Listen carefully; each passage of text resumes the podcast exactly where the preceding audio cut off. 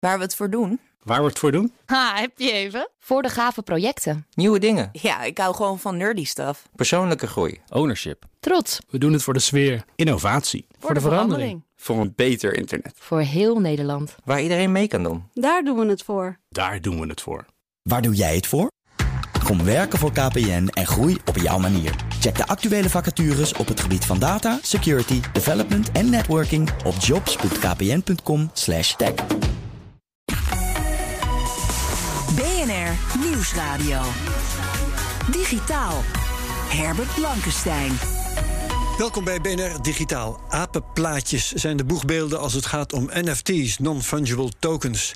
Sinds die ongeveer een jaar geleden opeens aandacht kregen in de massamedia, zijn vooral de bored apes flink meer waard geworden. Het bedrijf dat ze op de wereld zetten, zet nu de volgende stappen: een eigen coin, de Ape Coin, en een eigen game. Eh, die bespreek ik straks met mijn co-host hier, Jarno Duursma, tech trendwatcher en publicist. Goed dat je Ja, er bent, leuk Jarno. om te zijn. Maar eerst de Digital Markets Act, de DMA. Een pakket nieuwe Europese wetgeving die de macht van de technologiereuzen flink aan banden moet leggen. Afgelopen week kreeg die DMA groen licht in Brussel. Vooral Google, Amazon, Facebook, Apple en Microsoft kunnen hun borst gaan nat maken. Maar wordt hun macht echt aangetast? Wat gaan wij daarvan merken?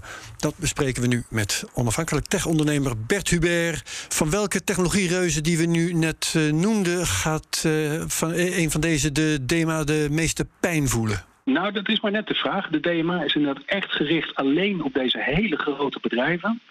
Eh, dus je moet echt eh 10 miljard omzet hebben voordat je mee mag doen. Dus het, het raakt niet je tennisvereniging of zo.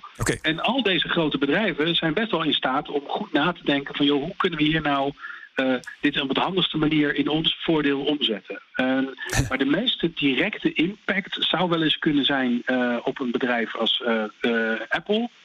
Eh, want die staan er toch echt wel in het voetlicht met eh, het beleid wat zij in hun App Store voeren. En waar deze nieuwe wet van zegt van nou, dat, dat trekken we niet meer. Ja, dus Apple is één kandidaat. Ehm, er zijn ook hele concrete consequenties, eh, althans als je de wet eh, letterlijk neemt, voor de chat-apps die we gebruiken. De DMA belooft interoperabiliteit. Dus je moet kunnen communiceren met anderen, onafhankelijk van welke chat-app je gebruikt. WhatsApp, iMessage, Signal. ehm, moet dus meer op e-mailen gaan lijken, waarbij het niet uitmaakt eh, welke software je gebruikt. Maar goed, intussen hebben we Signal, Telegram. die worden niet gerund door van die techreuzen, dus vallen die daar eigenlijk wel onder. Gaat met andere woorden die universele communicatie er ook werkelijk komen? Nou, de manier waarop de wet is ingericht is er eentje die gaat over monopo- monopolistisch gedrag. Dus hij heeft effecten voor, eh, voor Microsoft en voor Google en voor Facebook. En, eh, en een van die effecten is dat een kleine chatapplicatie zich mag melden bij eh, WhatsApp en zegt: joh, mijn gebruikers willen ook graag berichtjes kunnen sturen naar WhatsApp-gebruikers. Dus de impact, het gaat niet zozeer om of Signal genoemd is. Maar Signal kan met deze wet onder de arm tegen Apple gaan zeggen: joh, wij willen meedoen met iMessage of wij willen meedoen met, eh, met, met WhatsApp berichten. Dus die, die bedrijven, ondanks het feit dat zij dus niet in de wet genoemd staan, kunnen ook de kleinere chat-apps wel degelijk hier gebruik van maken. Ja, maar dat kan dus aardig ingewikkeld worden. Want ehm, het is niet alsof er eh, nu één wereldwijd door alle bedrijven gebruikt protocol komt. Zoals bij e-mail bijvoorbeeld. Nee, dit is inderdaad iets waar, waar zeg maar, de techneuten zich heel erg op focussen bij deze wet. Van ja, maar dat wordt allemaal heel moeilijk en dat wordt allemaal heel lastig. En dat is denk ik ook een reflex, want het is in het verleden niet zo goed bevallen als ambtenaren in Den Haag of in Brussel eh, of in Washington DC overigens gaan besluiten hoe dingen technisch moeten werken. En dan zegt iedereen gelijk, ja, dat gaat zomaar niet.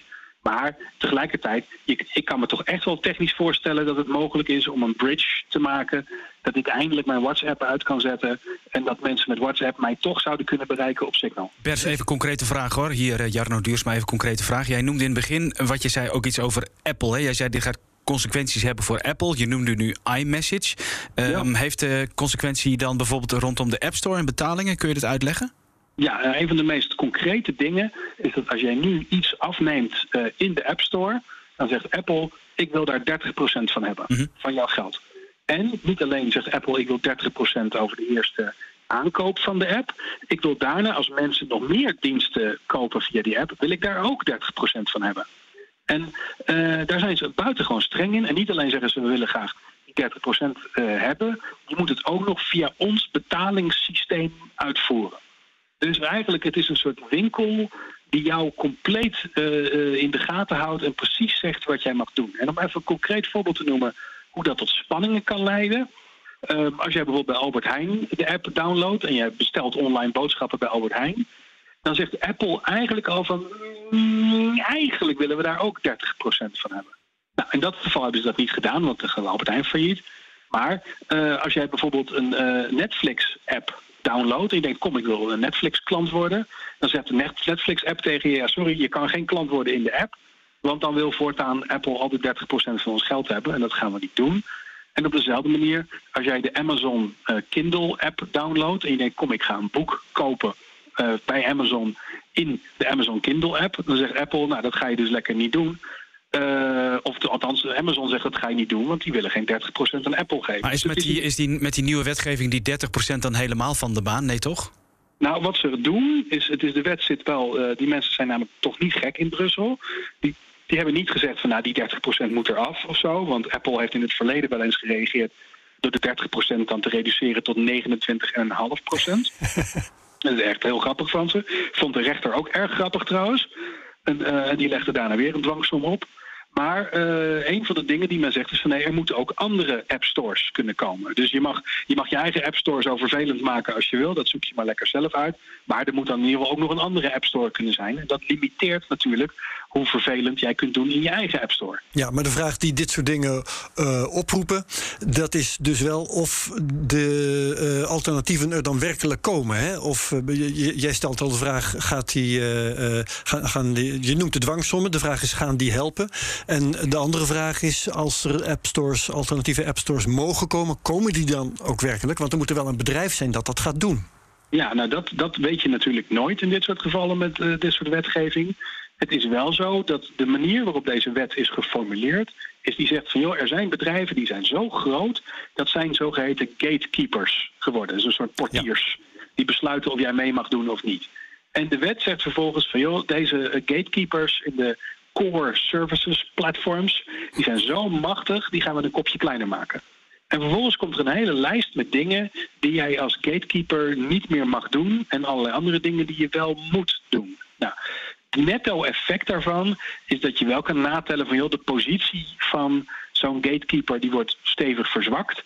En je kan je bijvoorbeeld voorstellen dat een spelletjesaanbieder, hè, omdat we hebben Fortnite gehad een tijdje geleden, die, uh, de Fortnite die moest ook 30% aan Apple afdragen per spelletje. En uh, je kan je zo voorstellen dat de mensen van Fortnite zeggen, nou wij beginnen wel onze eigen Fortnite store, om maar iets te noemen. Dus het lijkt er toch op dat deze wet zo is geschreven dat de macht voldoende wegkantelt bij Google en Apple. Want Google is overigens net zo erg in dit verhaal. Dit is niet de anti Ja, ja, ja. Maar jij zegt, jij zegt dus, uh, als die wet er dan eenmaal is... dan zullen de uh, krachten van de markt het verder inderdaad wel doen. Dat is jouw verwachting. Ja. ja, als je ziet de manier waarop de wet is geschreven... je krijgt als, als, ja, als monopolist, want dat is het toch feitelijk... met je, met, je, met je Play Store en je Apple Store... krijg je gewoon heel veel wind tegen... En daarnaast zullen natuurlijk wel andere bedrijven, dat hoeven niet noodzakelijk Europese bedrijven te zijn, want Fortnite is ook geen Europees bedrijf. Um, of tenminste, de, de maker van Fortnite is geen Europees bedrijf. Die zullen echt wel gebruik gaan maken van de ruimte die de wet hun biedt om van die 30% af te komen. Dus ja. Dat is nogal wat, hè? Ja, dat is, dat is dus eh, interessant als het gaat om het spel tussen al die bedrijven. Gaan wij hier nou als Europese consumenten ook echt van profiteren, is dan de vraag. Nou, een van de manieren waarop je ervan kan profiteren is dat uh, je kan nu soms. Kijk, als, jou, als jouw business idee geen 30% margeverlies aan Apple kan hebben, dan, of aan Google, dan kan je het nu gewoon niet doen. Dus ik kan bijvoorbeeld bepaalde winkels in de App Store kan ik gewoon niet beginnen, tenzij ik 30% winstmarge had. En dan zou ik die in zijn geheel aan Apple weg mogen geven. Dus je kunt je voorstellen dat mensen wel boeken willen gaan verhuren via apps voor weinig, wat nu niet kan. Uh, dus als consument zou je niet zozeer onmiddellijk zeggen: joh, ik heb meer geld over aan het eind van de maand. Maar je zult wel merken dat, dat er um, creatievere apps uh, uh, mogelijk zijn die voorheen uh, uitgesloten waren. Ja, ja en niet misschien meer geld over aan het eind van de maand, maar wel meer keus tijdens de maand. Ja, inderdaad. Ja. ja.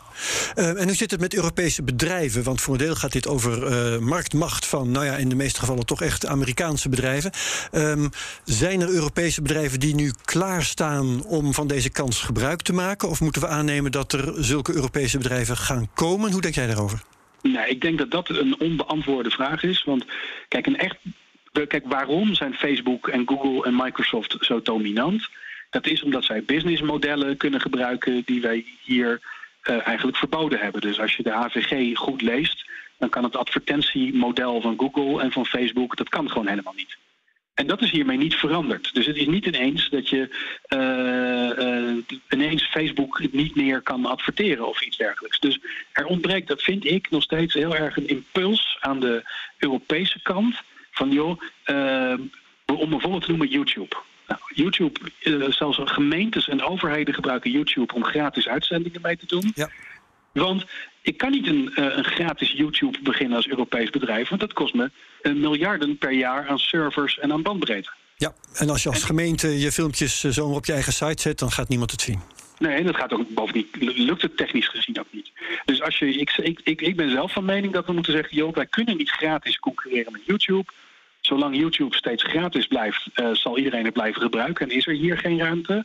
Dus misschien zullen we dan toch maar een soort uh, rijks-YouTube of een YouTube op moeten zetten. En zeggen, nou hier kunnen in ieder geval uh, wij onze eigen uitzendingen op doen. Zonder dat we al die advertenties bij Google hoeven in te kopen. Maar dat vergt dus meer dan alleen wetgeving maken waarmee het Amerikanen moeilijk maakt. Ja, ja, ja. maar goed, ik, ik hoor de, het homerische gelach van liberale krachten al als, het, als jij een staats-YouTube voorstelt.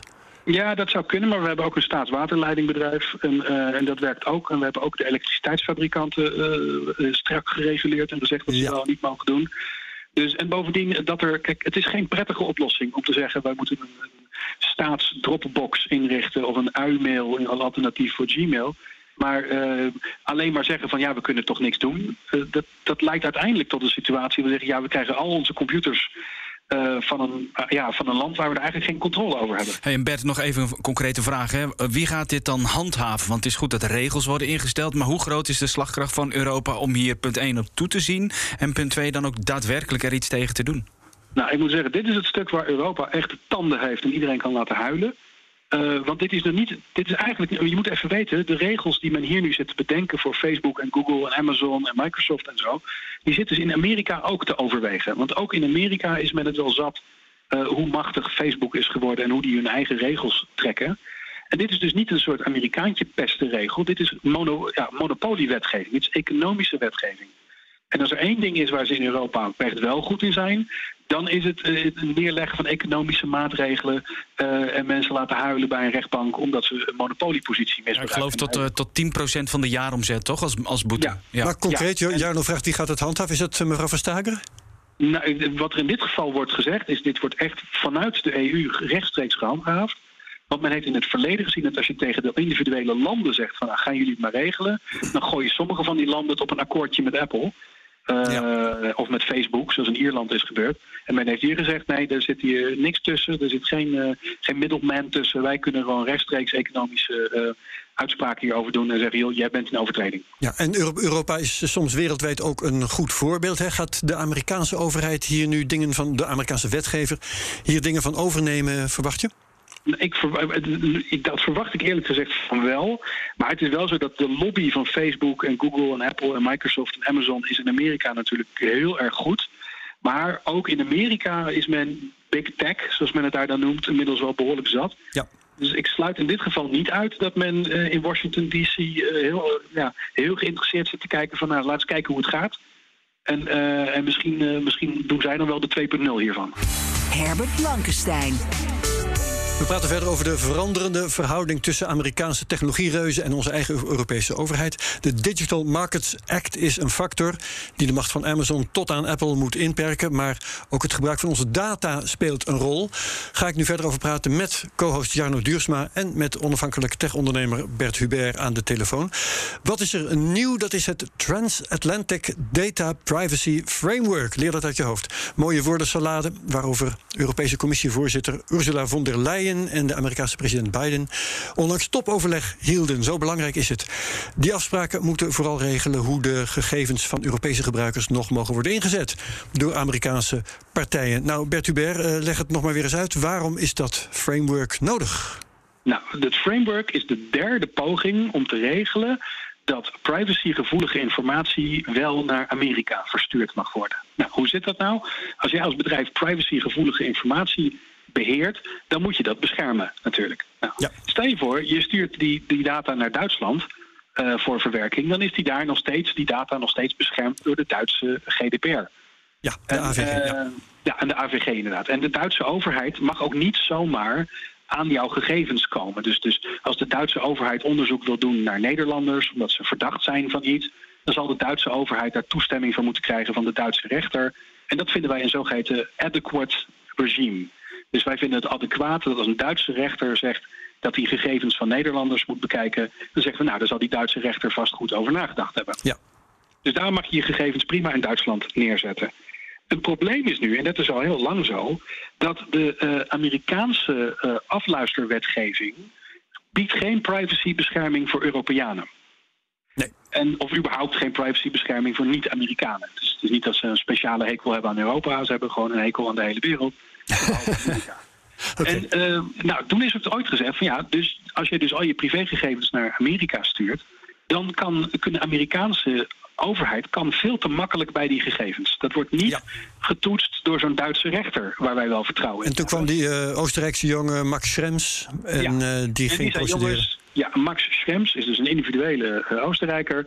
En die zei, jongens, jullie zijn allemaal gek geworden. Want jullie zeggen dat je je medische gegevens gewoon naar Amerika mag verplaatsen. En daar kan zeg maar iedere sheriff of iedere boswachter beslag leggen op jouw gegevens. En uh, dat is dus niet genoeg. Nou, toen kwam er eerst de, de safe harbor clausule, waarin de Amerikanen zeiden van, ja, dat zullen we niet doen, behalve als we het wel doen.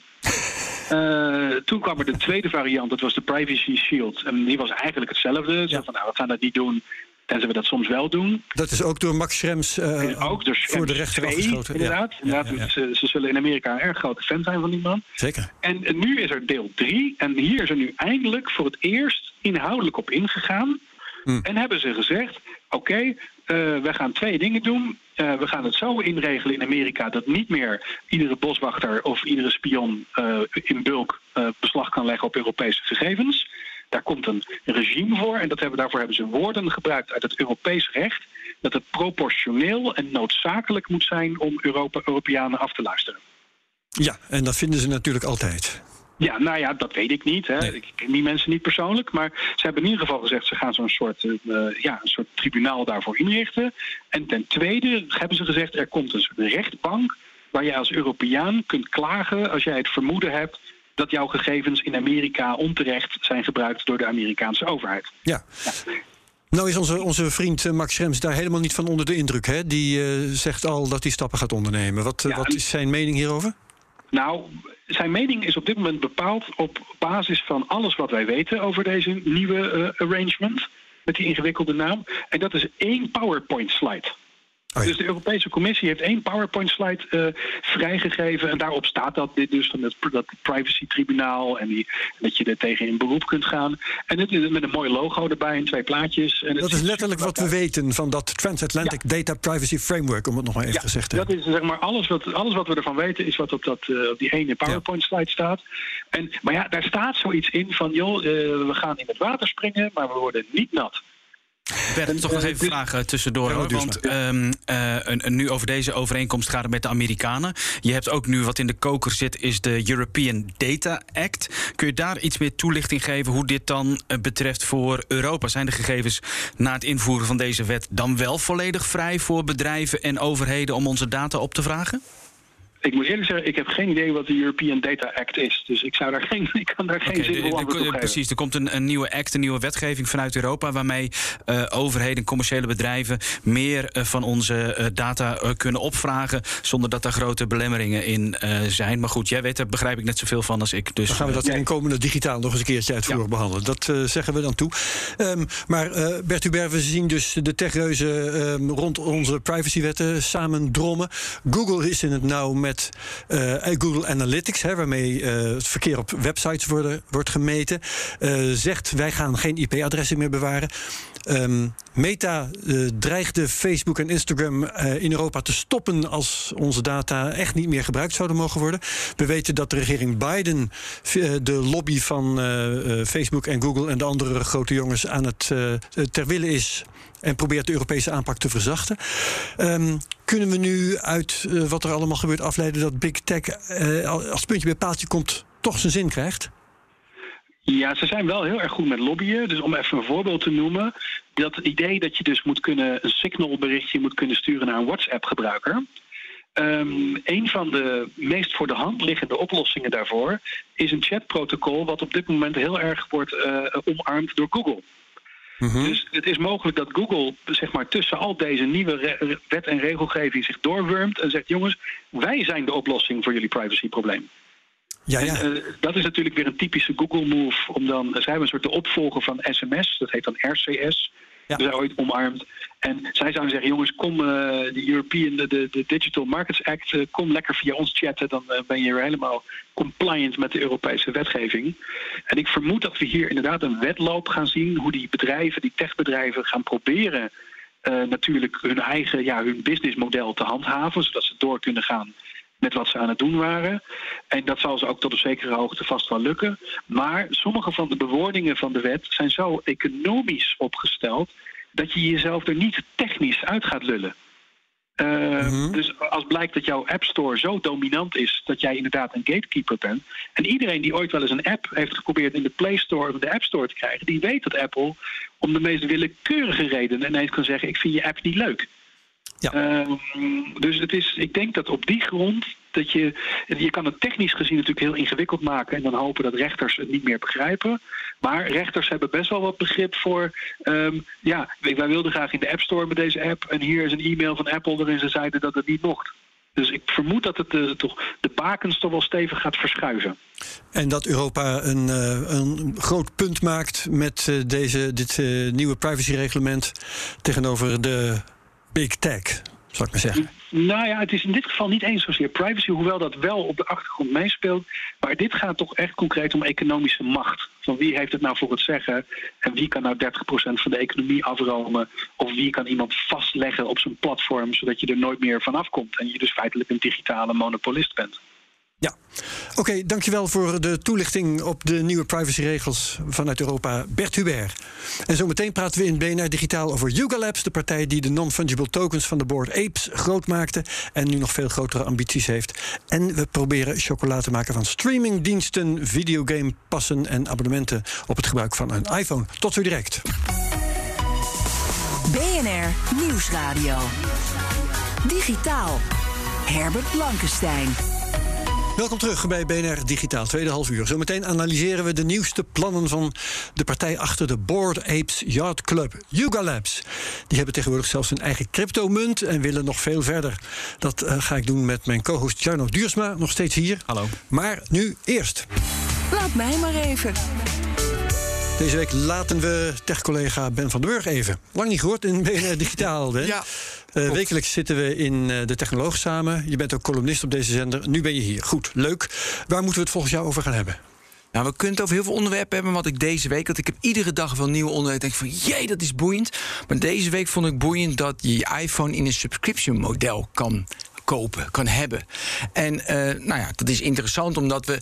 Kijk, in de grote trend zeggen ze, er wordt altijd gezegd: alles wordt uh, intelligent en alles wordt slim. En we gaan, we hebben geen bezit meer, maar we hebben toegang tot. En dan heb je allemaal van die megatrends. En het is leuk van, hey, komt dat uiteindelijk ook uit?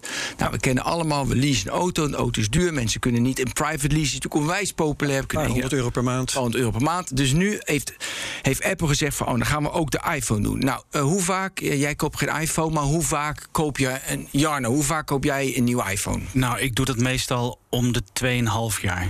2,5 jaar. Nou, laten we zeggen, één keer in de drie jaar... dan koop je gemiddeld voor 1000 euro een iPhone. Ze weten niet precies wat die subscription modellen nog zijn... want het is allemaal nog under construction. Uitgerekend worden.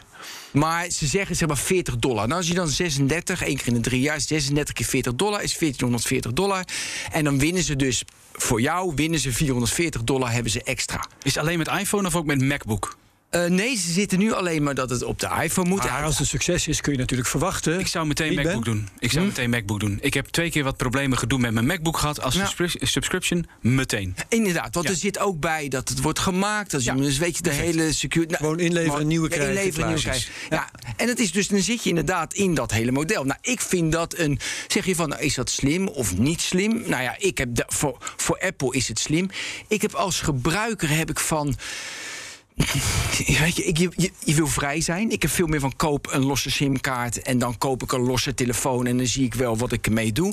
Maar goed, voor heel veel mensen, bijvoorbeeld een MacBook zeg je dat is meer business usage, dan doe je dat wel. En je ziet dat hele, nou ja, de hele SaaS-services dat je betaalt voor toegang, gaat dus nu ook naar producten. Ja, maar jij zegt uh, iedereen blij, want Apple vangt meer geld. En de gebruiker uh, heeft zekerheid, geen glazer. En geen glazen. Maar goed, een nieuw apparaat. Het gaat er toch om. Je moet het wel uitrekenen, vind ik. Want als je het niet uitrekent, ja, dan, dan zou je toch. Want, want dat zie je natuurlijk met die telefoonabonnementen. Dan wordt het weer veel meer. Ja, nou de, de vraag is eh, denk ik wat het selling point wordt voor de consument. Want bij private lease van auto's is dat de lage prijs. De, ja, Klopt. bij de iPhone, als ik jou zo hoor, wordt dat het niet en is het meer het gemak en uh, minder gezeur. Nee, Jarno, of, nee. dat je zeker weet wat de kosten zijn. Maar Jarno knik nee, maar ik wil nou, heel graag reageren. Ja, het is heel makkelijk. Voor sommige mensen is bijvoorbeeld 1350 euro voor een iPhone in één keer heel veel geld. Ja. En die kunnen bijvoorbeeld ja. shinen met zo'n iPhone voor vier tientjes in de maand. Ja, maar dan sparen ze maar. Maar hebben dat een goede?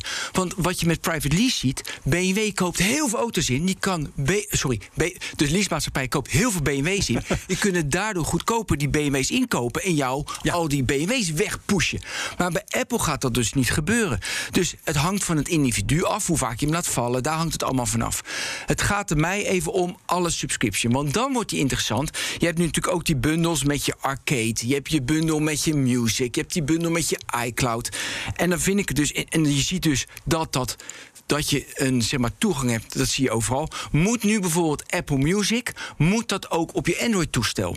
Zodat ze, dat vind ik een interessant vraagstuk, moet een arcade van Apple ook uh, op Android? Moet een TV Plus van Apple ook op Android, zodat ze meer reach hebben? Of is het meer ter ondersteuning die abonnementjes voor het verkopen van meer iPhones. Nou, dus er wordt over nagedacht van hey, uh, de, zeg maar, mensen die tegen zijn van ja, dat is slecht voor de iPhone-verkoop. Maar je kan ook redeneren van nee, je hebt meer reach. Ik kan met die service gaan meer mensen Apple Music gebruiken. Ik denk dat je iets over het hoofd ziet. Ik denk waar, waarom, wat het lastig is voor Apple is het volgende. Voor veel mensen is Apple is ook een lifestyle brand, zeg maar, is een statussymbool, is identity. Ik denk dat Apple zichzelf misschien in de voet schiet, is als iedereen wereldwijd voor een paar tientjes per maand ook zo'n iPhone 13 bijvoorbeeld. Snap je wat ik bedoel? Ik vraag me of nee. het is een high-end brand. Hè? Dus je hebt de iPhone. Dus je maakt het te goedkoop, zeg je. Ja, dan wordt hij te goedkoop. Maar net, netto betaal je toch hetzelfde? Jawel, maar voor veel mensen is dus. Het lijkt veel met je eens. Nou, maar dat, is, dat, dat mag ook. Daarom zijn we hier. Ja. Um, ik ben het niet met je eens, omdat je ziet namelijk aan die SE. En ik weet deze week het nieuws dat de SE, de, de, de demand, dus de vraag is minder, waardoor ze minder gaan produceren. Maar je ziet, ze zetten al lager in de markt, zet je die toestellen. En het interessante is van dat model, kijk, jij krijgt drie jaar abonnement, Herbert, dan krijg je ieder jaar een nieuwe telefoon. En bijvoorbeeld, ik wil die iPhone 13 Pro. Maar. Ieder jaar is een nieuw opeens. Net was het nog elke drie jaar. Nee, oh sorry, dat heb ik niet goed uitgelegd. Niks. Nee. Kijk, normaal koop je één keer in de drie jaar een telefoon. Nu neem je abonnement. Voor en dan 40, jaar heen. Voor 40 euro per maand. Dan wordt het een no-brainer volgens mij. Nee, want je betaalt dan in die drie jaar die 1440. Heb je hem? Ja, het is toch voor drie jaar.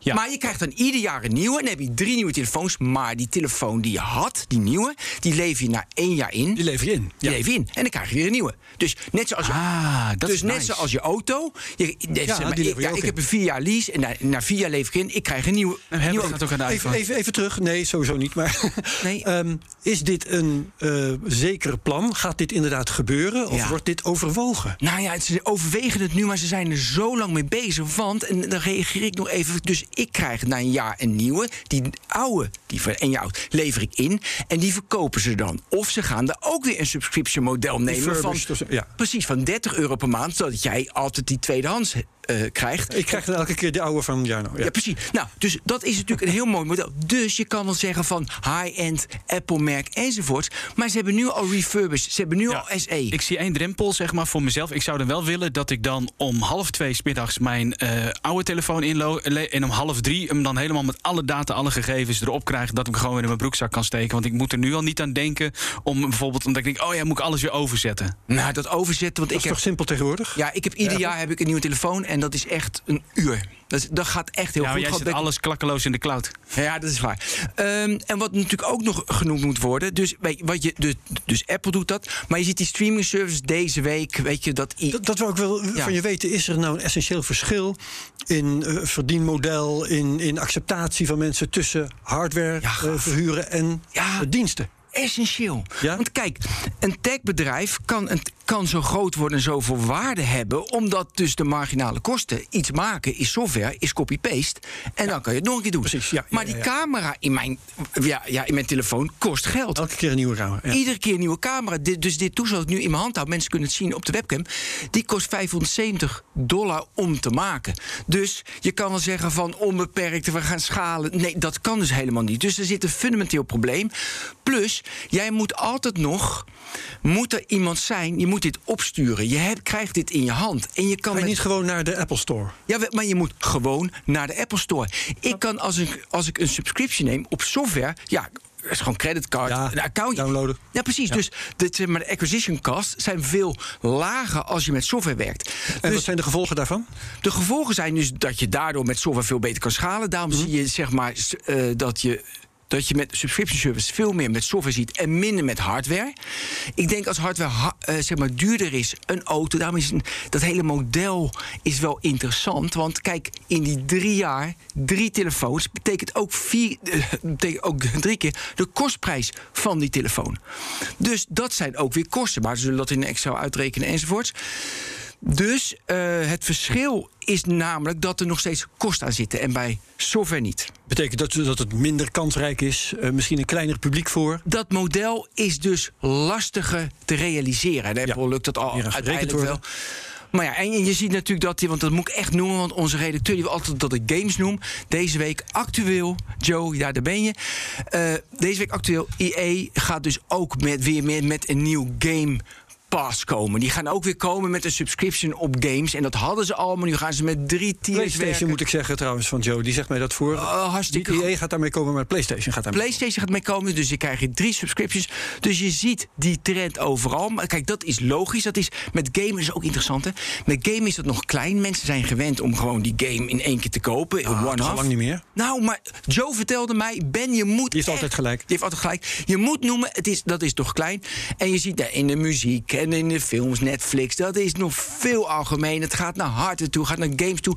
En Herbert, wat ik het grote voordeel vind. Kijk, als jij een, een, een kijk, een, zeg maar, een leverancier die iets verkoopt één keer en je koopt een ijskast, die moet eigenlijk stuk gaan na 15 jaar. Ja, daar Want zorgt ja, ook voor. als hij in stuk gaat, hebben we er niks aan. Als, je hem dus heel goed, als jij een subscription service hebt, dan moet hoeft lang meegaan. En je ziet nu al, jouw iPhone. Goed voor de duurzaamheid. Voor de duurzaamheid gaat gewoon lang mee. Weet je, ik heb mensen die hebben gewoon een iPhone van 6, 7 jaar oud. Ik ga een NFT-subscription eh, model gaan beginnen. Komen we zo op. Maar ik wil als, eh, tot slot van jou, Ja? Ben, weten. ehm, dit eh, is een trend, zoals jij hem schetst, die eh, zich, eh, zich, zich uitrolt, om zo te zeggen. Eh, gaat die slinger ook weer een keer terug?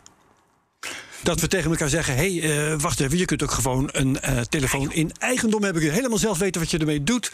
Kun je zo lang houden als je wilt. Kun je aan je kinderen geven. Ga zo maar door. Ja, en dan ga ik, ga ik met Jarno mee. Dat is van, ik bezit iets, ik heb iets, ik wil het hebben. En dat zit toch heel erg in Sommige mensen. mensen hebben dat. Sommige mensen vinden dat gewoon fijn en die willen dat behouden. Daarnaast heb je, Herbert, jij hebt zoveel subscriptions, je wordt er helemaal gek van. En uiteindelijk denk je dat is veel te veel. maandelijkse kosten. Ja, dus dat wil je weer gebundeld hebben tot één. Ik bezit één subscription en daar zit alles in. Digitaal. De Board Apes Yacht Club eh, is het boegbeeld voor de NFT's, de non-fungible tokens. Dan weet je ook weer waar die afkorting voor staat. Die werd ongeveer een jaar geleden opeens een stuk bekender. Half Hollywood bezit apenplaatjes, want het is een statussymbool uit die exclusieve collectie. Eh, vermogende bekende Nederlanders worden er graag mee gezien op hun sociale media. Je kunt ze niet vasthouden, maar wel aan je account vastknopen. Twitter bijvoorbeeld. Eh, om er nog eentje te kopen moet je nu al tonnen meebrengen, soms zelfs een miljoen euro in ether. En de makers van die plaatjes, Yuga Labs, willen nu opschalen. Ze hebben een eigen cryptomunt gelanceerd, de Apecoin. En willen een soort eigen game lanceren ook. Maar uh, daar komen dan de vragen. Want wie hebben nu de meeste Apecoins? Wat voor inspraak krijg je daarmee? Wat is Yuga Labs verder van plan?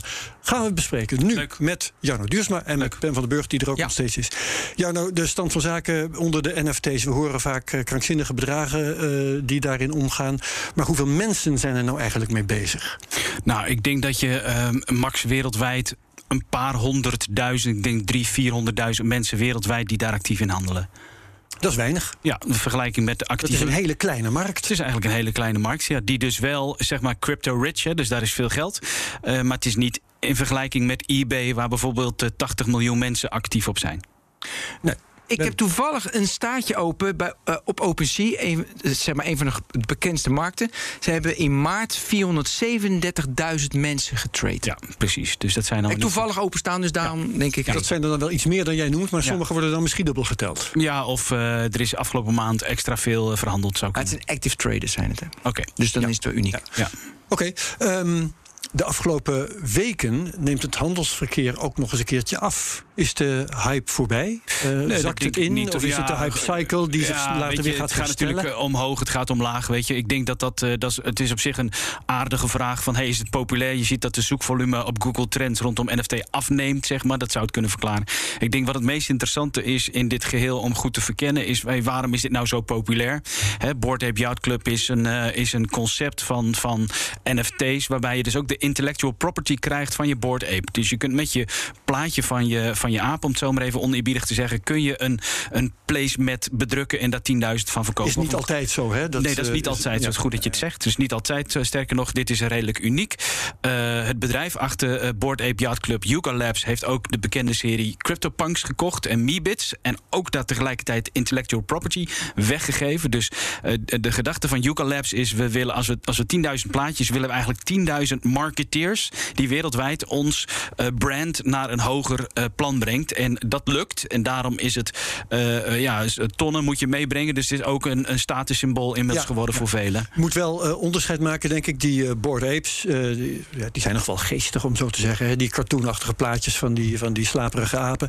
Um, maar er is ook heel veel rare bagger in omloop, zo langzamerhand. Iedereen brengt maar NFT's uit. De mm -hmm. meest vage ja, voetballers, Frenkie de Jong was onlangs. Forum voor Democratie mm -hmm. had een stel hele rare plaatjes die ze verkochten. Uh, is dit nou de initial coin offer? Hè? In 2017 had je ja. die, de ICO's, die later zijn verboden. Makkelijke manier voor bedrijven om geld op te halen. Er zat heel veel kaf tussen het koren. Is de, uh, die NFT's, zijn dat de initial coin offerings van 2022? Oh, een beetje. Je hebt natuurlijk een nieuw, iedere nieuwe markt zitten cowboys. Dat zit hier ook in. Aan de andere kant is wel duidelijk wat je koopt. Hè. Je koopt over het algemeen een, wat nu nog veel al ziet, is een afbeelding van iets. Die ICO's die beloofden natuurlijk allerlei hè, rondom transport, logistiek, medische data. Dus die beloofden van alles. Dat is nu wel redelijk helder. Hè? Je koopt een afbeelding van iets. En als andere mensen zeggen, ja. dat vind ik een interessante afbeelding. Uh, zo. Dus dat is, dat is. Maar wat je. Wat het, het, sorry dat je onderbreekt, maar het, wat mij opvalt is dat het vaak meer om gaat. Jongens, dit is een NFT.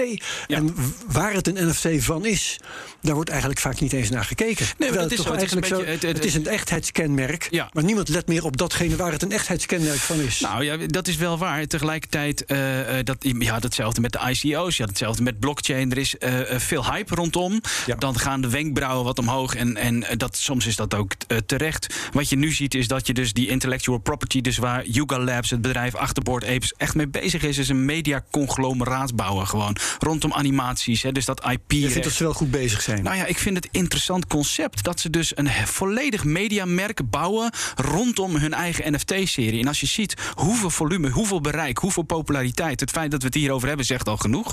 Dat is wat lukt bruggetje naar die uh, Apecoin, zeg maar. Dus ze hebben nu een Apecoin uh, gelanceerd. Mag ik je daar nog even onderbreken? Want ja. ik wil ook heel graag weten... welke ondernemers zitten hier eigenlijk achter?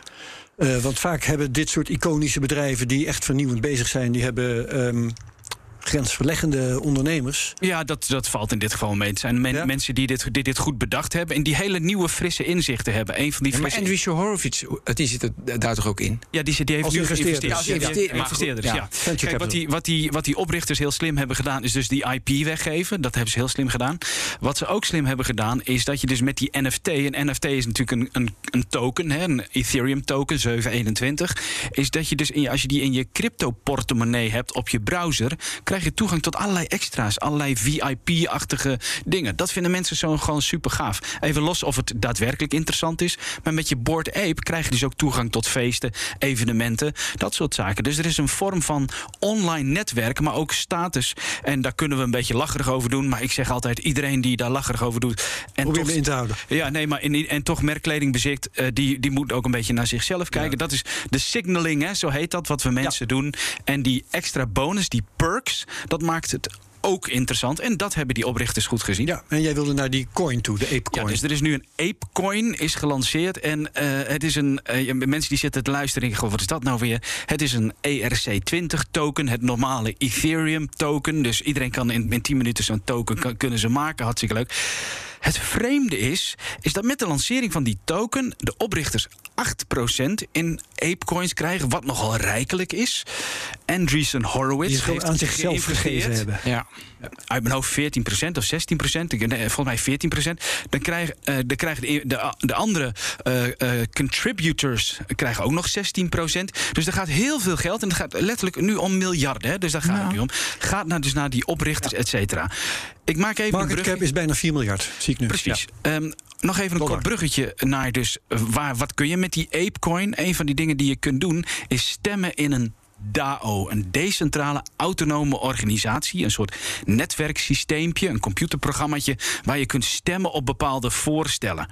Maar als al die insiders dus maar liefst 38% hebben gekregen van die Apecoin, En dus ook stemrecht. en dus ook stemrecht. En dan vraag je je dus ook af. Punt 1 kun je afvragen. Waarom moeten die oprichters zo stevig beloond worden?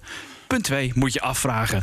eh, eh, waarom moeten die insiders zoveel tokens krijgen? En ik vraag me ook af, eh, stemrecht. Maar het is stemrecht over ja, dingen die over die apecoin gaan. Dus het is een slang die in zijn eigen staart bijt. Het zijn, het zijn, het zijn, het zijn soort cirkelredenering. Ja, precies. Het zijn een beetje de rafel. Ja, waar, waar kun je nou? Want je kunt absoluut niet stemmen over die Board Ape Yacht Club koers of strategie.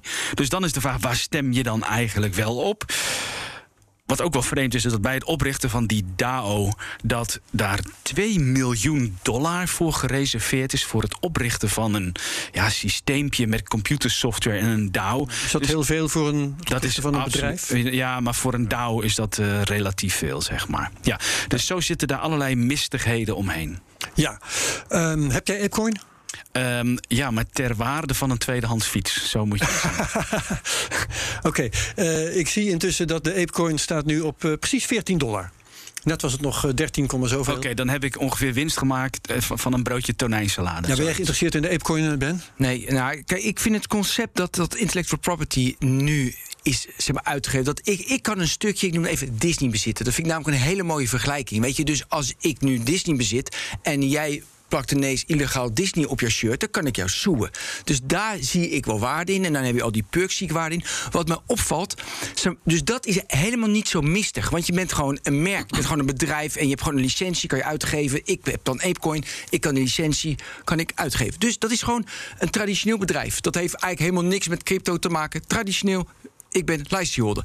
Wat mij opvalt, dan gaan ze het dus mistig maken weer met die DAO's. Wat weer vaag Wat is je wordt. vraag? Nou, mijn vraag is, waarom ga je het dan weer mistig maken? Ja, je hebt volgens mij, antwoord. ja, of volgens mij eh, wat een van de geruchten is, eh, is dat Andreessen Horowitz 450 miljoen heeft geïnvesteerd in Yuga Labs.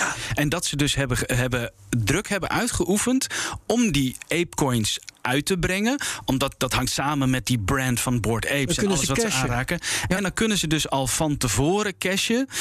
Even PS, ik moet er formeel bij zeggen. Op de website van Apecoin staat... de Apecoin wordt gebruikt voor een game en voor een marktplaats. Dus formeel is het een, is het een utility, hè, zou je het kunnen gebruiken. Ja, is een vooruitzicht. PS2 is dat dus natuurlijk de, de, de SEC, de, um, ik ben even kwijt. Securities and Exchange Commission. Ja, die zit natuurlijk argusogen te kijken. Zijn dit niet aandelen? Is het niet een vorm van ja. investment? Ik wil nog graag uh, van je weten, dit is uh, crypto. Dan denk je gedecentraliseerd is dan de ideologie. Maar daar is hier natuurlijk geen sprake van. Hè. Dit is puur een, uh, een bedrijf dat de touwtjes zelf in handen heeft. Nou, als je de website de, doorspit, de, ja, dus die, als je de website doorspit, dan staat overal, overal decentralized. Maar, maar ook die DAO is niet gedecentralized. Waarom niet? Daar zit gewoon een formele foundation achter met mensen in dienst die vervolgens dingen moeten gaan uitvoeren.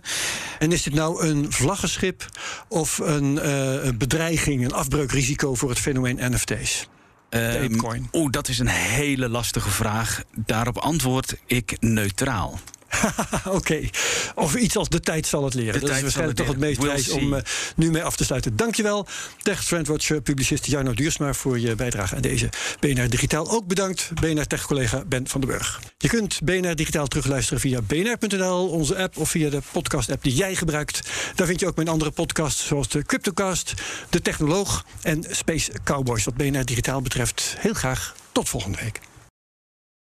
Ook Thomas van Zeil vind je in de BNR-app. Je kunt live naar mij luisteren in Zaken doen. De BNR-app met breaking news, het laatste zakelijke nieuws... en je vindt er alle BNR-podcasts, bijvoorbeeld Het Nieuwe Geld. Download nu de gratis BNR-app en blijf scherp.